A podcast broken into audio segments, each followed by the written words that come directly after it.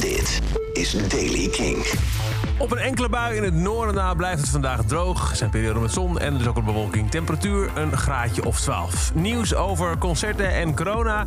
Green Day en de Britse muziekindustrie en de Brexit. Dit is de Daily King van woensdag 4 november. Misschien kun je je nog herinneren. In augustus werd er een groot onderzoek gedaan in Duitsland. Drie concerten van popzanger Tim Bensko. En daar werd onderzocht wat er nou precies gebeurt bij verspreiding van het coronavirus tijdens een concert. Er waren drie scenario's. Eén uh, een normaal concert, één allemaal anderhalf meter uit elkaar. En uh, er was ook eentje waarbij er uh, meer social distancing was. Nou, drie verschillende scenario's, ook, ook seated only en zo. uit het onderzoek blijkt nu dat een concert een laag tot zeer laag risico oplevert voor bezoekers om het coronavirus op te lopen. 1400 vrijwilligers werden gerecruiteerd voor de onderzoeken. waren allemaal uh, ziektevrij. En ook na afloop is gebleken dat niemand het coronavirus heeft gekregen. Uh, hygiëneprocedures werden er helemaal uh, bijgepakt en zo. En nu zegt een van de onderzoekers van het team dat het heeft uitgevoerd... er is geen argument om een concert niet te houden. Het risico om besmet te raken is erg laag staat tegenover dat we laatst wel nog weer het nieuws hadden van een jodelconcert in Zwitserland of Oostenrijk. Um, uh, waarbij uh, een van de jodelaars het virus had. En daar waren op een gegeven moment onder de 600 bezoekers waren er.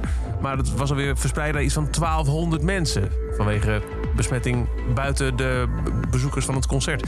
Dus ja, of we hier nou heel snel de evenementensector weer mee op de rails krijgen, dat durf ik niet te voorspellen.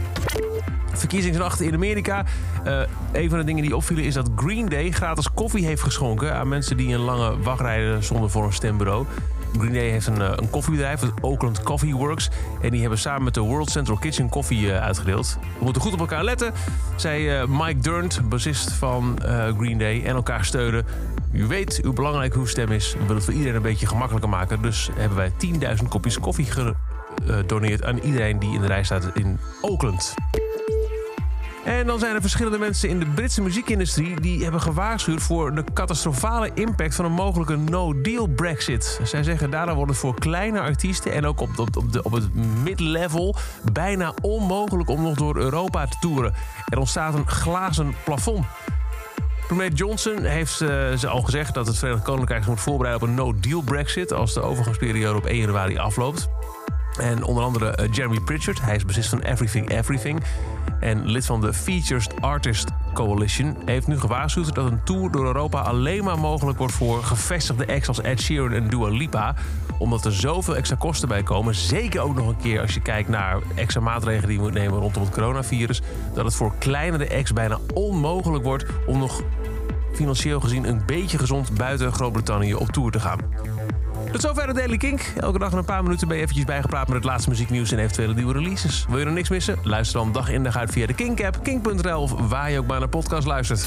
Elke dag het laatste muzieknieuws en de belangrijkste releases in de Daily Kink. Check hem op kink.nl of vraag om Daily Kink aan je smart speaker.